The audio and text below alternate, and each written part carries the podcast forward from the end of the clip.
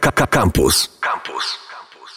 Kręte ścieżki, witam wszystkich, Mateusz Kubiak z tej strony, e, a ze strony drugiej Jan Reszka, witamy. Cześć, dzięki. No, na pewno niektórzy pamiętają mm, tego człowieka, jak przemierzał e, tutaj z Uzbekistanu stepy. Też było. Przy okazji podzielmy się wiadomością dobrą, że Uzbekistan zniósł wizy, w związku z tym, jeżeli ktoś chce, to może tam pojechać. Dokładnie. Ale nie będziemy gadać o Uzbekistanie, porozmawiamy sobie o zimnych Lofotach. Zimna Norwegia. Tak, Tak? wszyscy myślą, ale ja też tak myślałem, dopóki tam nie pojechałem. E, w ogóle y, tak naprawdę jak teraz sobie zobaczymy na temperatury, to tam jest cieplej niż u nas. To teraz powiedzmy geograficznie, o jakim terenie mówimy. Dobra, jesteśmy w Norwegii, na północy Norwegii, 300 km za kołem podbiegunowym i już sobie wszyscy myślą, Już że... wszyscy zmarzli w tym że jest tam po prostu wieszna zmarzlina i, i nie ma co robić, ale nie, jest tam ciepło w lato, naprawdę ciepło. E, Ja byłem od połowy maja do połowy października i podobno trafiłem na najgorszy sezon, jeżeli chodzi o pogodę, czyli dużo padało, ale... Ale było też ciepło, było słonecznie, był dzień polarny, więc dużo energii, fajna pogoda e, i temperatury powyżej 20 stopni nawet Nie, czasami. to już bez obciachu tak Bez naprawdę. obciachu, Możesz no. chodzić w, w krótkim rękawie Można i, bez, i to tyle. bez tak problemu. naprawdę. Jeżeli słońce, w ogóle to słońce jakoś tak mocniej pada na ciebie tam, y, pod innym kątem, nie wiem jak to wytłumaczyć, ale no patrzysz 22 stopnie powiedzmy i chodzisz po prostu y, w podkoszulku, bo tak ci daje i możesz się opalić też, no. Dobra, to powiedzmy sobie, to są wyspy na górze e, mm, Północ Norwegii, tak? Norwegii, tak, to jest archipelag Lofotów. Y, Jesteśmy na wielu małych wyspach. Jest, są trzy duże wyspy i bardzo dużo małych, ale praktycznie się tego już teraz nie odczuwa, bo wszystkie są połączone mostami. E, jeszcze powiedzmy 50 lat temu tam praktycznie nie było dróg. E, wszystko odbywało się transportem morskim, czyli łódki po prostu przepływały z jednej wyspy na drugą. Teraz bez problemu e, dostajemy się w każde miejsce e, drogą lądową. No i powiedz, po co ty tam pojechałeś, bo to jest dość ciekawe. Jak można e, wystartować na Lofoty i co tam robić? No jak zwykle historia jest dosyć długa. E, Streszczę ją tak, że pojechałem tam pomagać znajomym w rozkręcaniu biznesu turystycznego. E, On de facto nie wyszedł, ale zostałem tam i przez powiedzmy trzy miesiące pracowałem jako kelner, przez dwa miesiące sprzątałem domki. Czyli co, ale zobaczyłeś kawał świata dzięki Zobaczyłem temu. kawał świata i co jest zabawne, nigdy mnie nie ciągnęło do Skandynawii i do tych zimnych rejonów, bo sobie myślałem, kurde, zimno, nieprzyjemnie.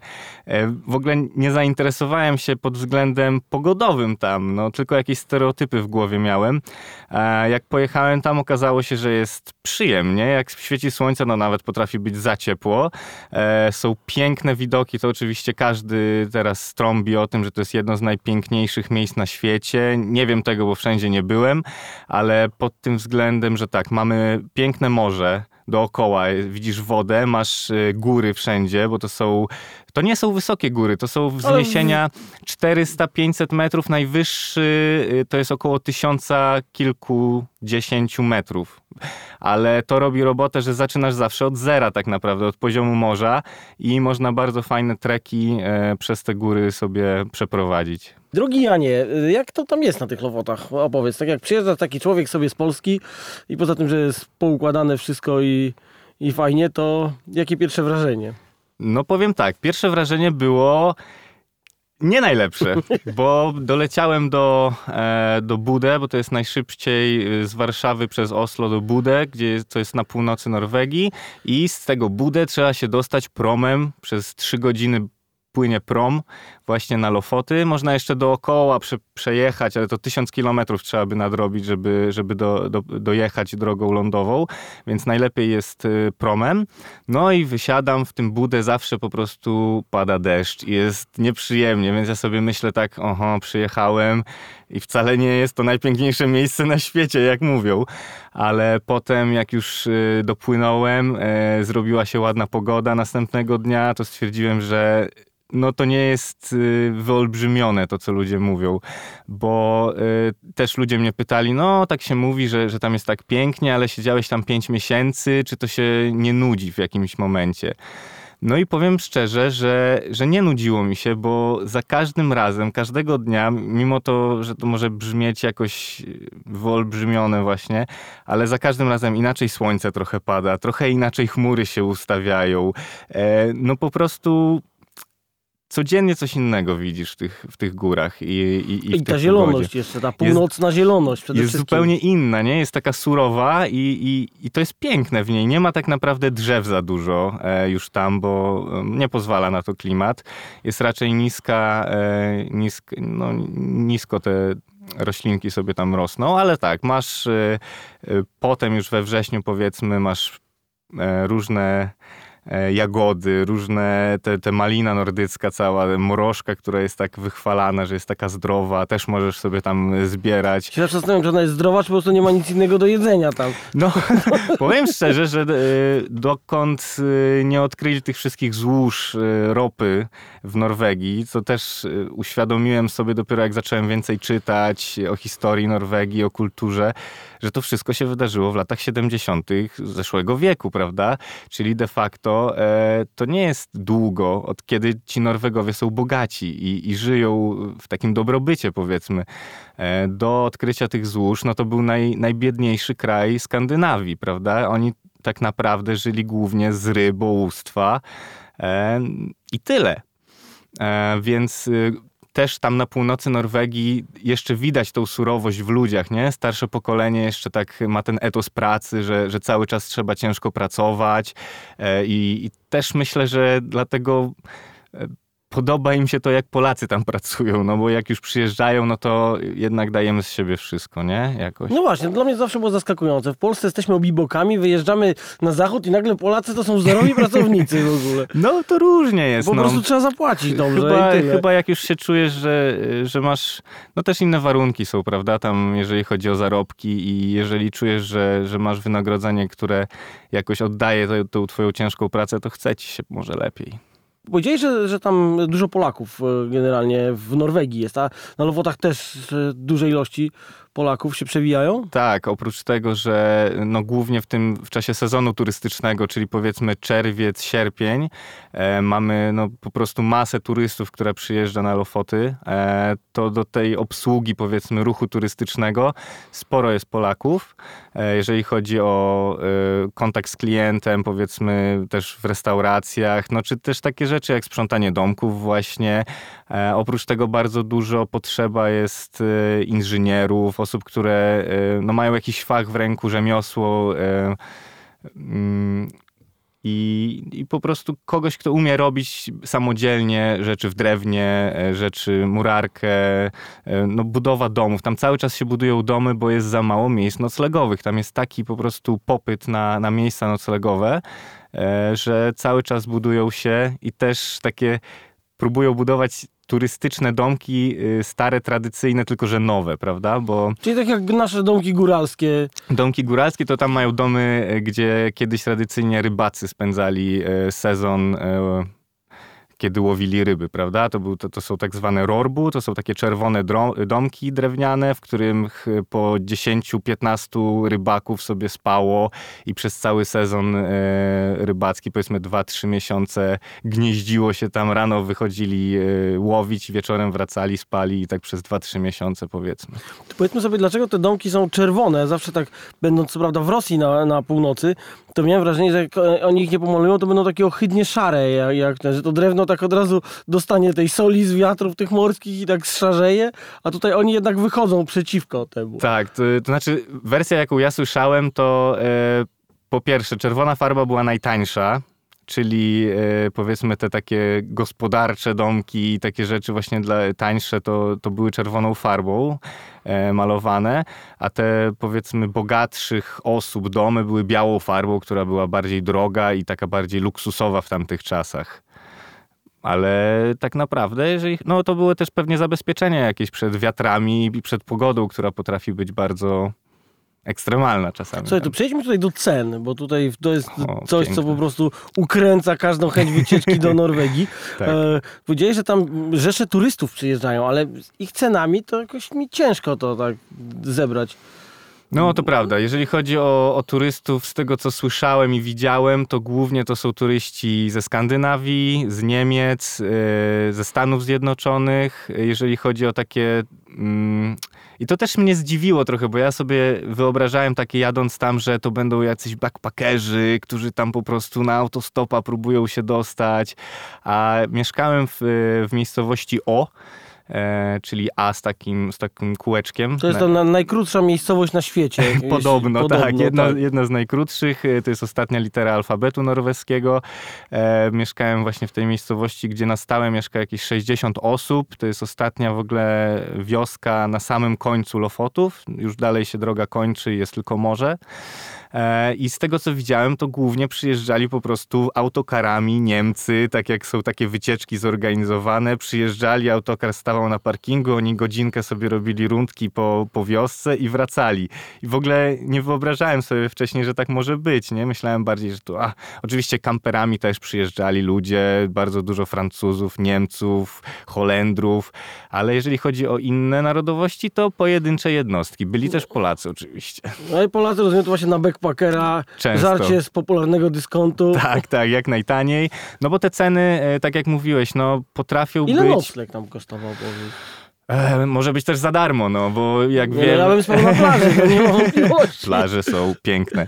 E, jeżeli chodzi o nocleg, to właśnie ciężko jest, jeżeli chce się coś e, wypośrodkować, bo al, albo mamy te tradycyjne domki, E, gdzie tak naprawdę jak jedziesz w pojedynkę, czy nawet w dwie osoby, to jest bardzo drogo, bo to wychodzi jakieś no co najmniej 300-400 zł za noc. E, potrafi być i więcej, szczególnie w środku sezonu. Ale jest też Airbnb, tam praktycznie każdy, kto ma wolny pokój w domu, e, to stara się wynajmować przez Airbnb. E, mamy, mamy jakiś camping, ale chyba tylko jeden z tego, co kojarzę, przynajmniej w tam... I na tym kempingu może chociaż jakieś ceny są sensowne? Na kempingu są bardziej sensowne, ale... Ale dalej skandynawskie. Ale dalej skandynawskie. I oczywiście możemy się rozkładać namiotem tam, gdzie chcemy. Takie jest prawo w ogóle w Norwegii Norwegii, w Szwecji, z tego co pamiętam, że 200 metrów od zabudowań możemy się wszędzie rozbijać do dwóch dni. Tak, zakładając, że nie przeszkadzamy. Nie nikomu. przeszkadzamy, nie jest to ogrodzone, oczywiście tam upewniamy się w miarę możliwości. Nie ma z tym problemu. Problemem może być tylko pogoda, jeżeli nam zacina deszcz przez dwa dni i nam to może jakoś przeszkadzać. No. A było tak? Bo patrząc na te wyspy, to jest wyspy typu e, jak ci się nie podoba pogoda, to poczekaj 5 minut. Też, tak. Pogoda, jak ja przyjechałem w połowie maja, to potrafiło być tak, że wychodziło y, słońce z chmur, potem po godzinie padał grad, a potem padał deszcz znowu i znowu wychodziło słońce. Potem ta pogoda się trochę bardziej ustabilizowała, i po, bywało tak, że było tydzień słonecznie, a potem mogło być też tydzień niesłonecznie i z deszczem powiedzmy. Więc jak ty wyjeżdżałeś było... jesienią, to już bardzo zimno było wtedy? Tam mówiłeś, w połowie października Tak, w połowie tak? października jeszcze było znośnie. Powiedzmy, że było 8 stopni, 6-8 stopni, ale tak naprawdę te temperatury mogą nas zwieść trochę. Tam najwięcej, najbardziej się liczy tak, czy wieje, jak mocno wieje i czy pada. E, jak już świeci słońce, to jest idealnie, ale potrafi tak wiać, że no, odwołują te promy, czasami to, się, to jest y, częsty problem, nie? że na przykład masz lot, y, a tutaj nie wypłyniesz w ogóle stamtąd, bo jest taki sztorm na, na morzu, że, że nie popłynie prom, prawda? E, ale jeżeli chodzi o temperatury, to y, są dużo wyższe niż nam się wydaje, tak myśląc o zakołem podbiegunowym, nie? E, E, e, ruszyliśmy sprawę cen, mówiliśmy o noclegach, ale jak to wygląda tak, jakbyś poszedł do sklepu i chciał sobie mm, po prostu przeżyć? Czy to dużo więcej wydasz niż u nas? Myślę, że, że jeżeli chcesz tam pojechać i chcesz zrobić to budżetowo, to da się. E, tak naprawdę są sklepy, w których takie podstawowe produkty można znaleźć po trochę wyższych cenach niż w Polsce, ale wciąż to nie są jakieś, e, jakieś koszmarne rzeczy, nie? To zależy jak się tam e, przedostaniemy. Jeżeli samolotem i mamy mały bagaż powiedzmy, no to jest ciężej. Nie możemy wziąć jakichś rzeczy z Polski ze sobą do jedzenia. Ale ludzie zwykle po prostu pakują ile się da e, w bagaż, albo jeżeli tam jadą samochodem, no to oczywiście cały bagażnik jest pełen żarcia i można tam przeżyć sobie po prostu przez ile się chce tak naprawdę. Ale jeżeli nie jesteś, nie potrzebujesz jakichś luksusów i sobie kupisz po prostu makaron czy ryż i do tego sos pomidorowy, który jest tańszy niż w Polsce tak naprawdę, jakąś pasatę czy, czy przecier, do tego dodasz jakieś podstawowe rzeczy, to naprawdę I idzie tak łososia samo. złowisz jeszcze. I złowisz sobie łososia, w ogóle tam ludzie przyjeżdżają, żeby łowić takie halibuty, jakich ja w życiu nie widziałem, nie? Tam jest jakieś takie miejsce najlepsze w Ale na Europie. wędkę te halibuty No to są takie, e, takie kutry małe e, turystyczne, tam przyjeżdżają grupami, powiedzmy głównie Szwedzi z tego co widziałem. Przyjeżdża grupa sześciu facetów. e, Takich szwedzkich drwali jak szwedzkich obrazka. drwali, siedzą w tych tradycyjnych chatkach i przez tydzień codziennie wypływają w, w morze i ma, pokazują im takie miejsca, gdzie są najlepsze e, łowy i, i siedzą tam, oprawiają potem na, na tych e, na brzeżach te ryby e, i sobie żyją tam, no. Piją piwko, jak to Szwedzi. E, Jest wesoło, no bo tak naprawdę co można tam robić innego, nie? Jeżeli chodzi o rozrywkę, no możesz chodzić po górach, możesz łowić ryby, możesz się spotykać ze znajomymi. E, Albo jak ci niemieccy turyści wpaść i wypaść. wpaść, wypaść.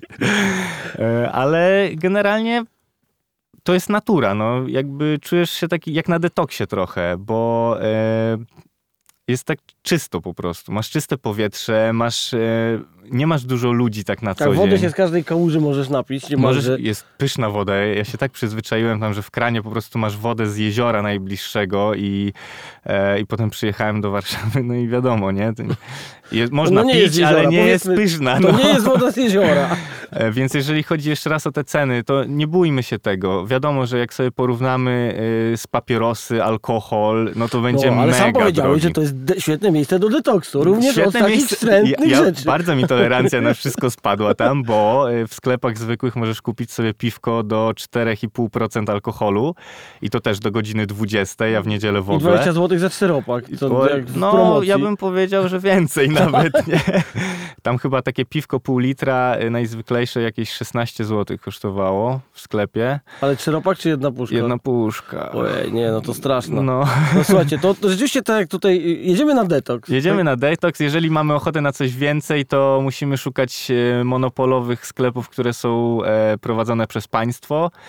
No to cała Skandynawia tak Cała ma. Skandynawia, czyli wszystko, co powyżej 4,5%. No, ja miałem taką sytuację, że byłem na, na końcu e, Lofotów, więc miałem 60 kilometrów do najbliższego takiego sklepu. No i to się nazywa prawdziwy Więc jeżeli, od, od, odpoczęcie, odpoczynek. jeżeli tylko ktoś miał wino albo coś więcej, to po prostu była świetna impreza. No. No tak, tutaj dodajmy, że w żaden sposób nie popieramy takiego zachowania skandalicznego, ale tym niemniej czasami na wyjazdach się takie sytuacje zdarzają, a audycja ta jest o turystyce, a nie o pijaństwie. No i lokalni też tam e, no, mają swój sport narodowy, czyli pędzenie tak zwanego bimbru. No i, i zdarzało się, że mieliśmy taką degustację małą, prawda? No, jeżeli chodzi kulturowo, trzeba poznawać Nie no, kulturę trzeba poznawać rzeczy. ze wszystkich stron. Tak a powiedz jak tam w ogóle z mentalnością tych ludzi, bo to wiesz, wyspy, północ, Mhm. wiesz, jeszcze to, co mówiłeś, ten y, etos pracy, to, to tam tak y, różnie bywa to z, z tymi małymi społecznościami. No, y, powiem ci szczerze, że pierwszy raz się tak poczułem, e, bo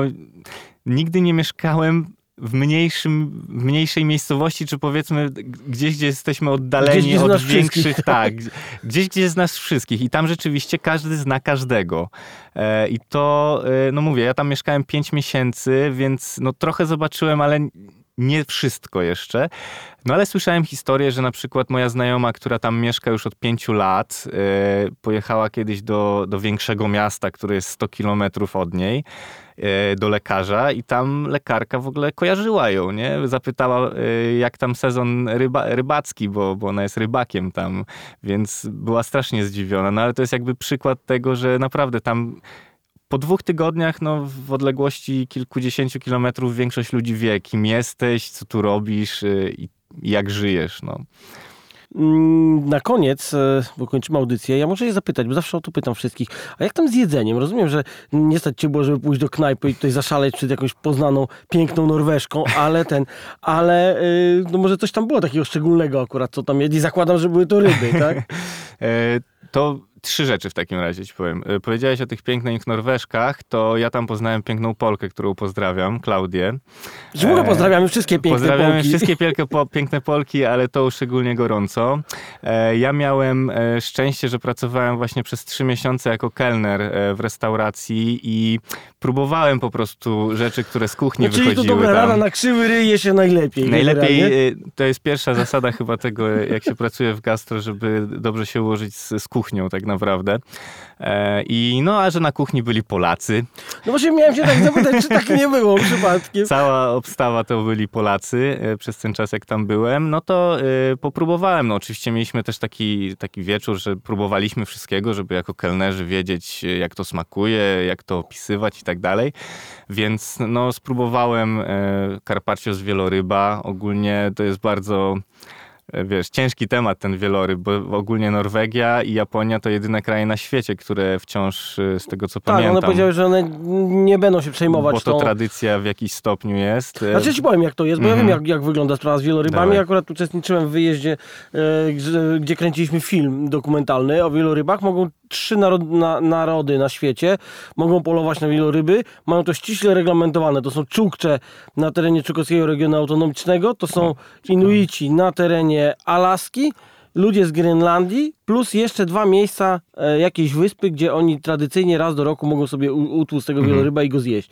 Z tym, że każdy musi to dokładnie opisywać i oni dostają, po rosyjsku to się fajnie nazywa aborygeńskie kwoty, czyli takie kwoty dla ludów pierwotnych, bo aborygen po rosyjsku to jest człowiek pierwotny, jakby mieszkający tam rdzenny mieszkaniec, tak?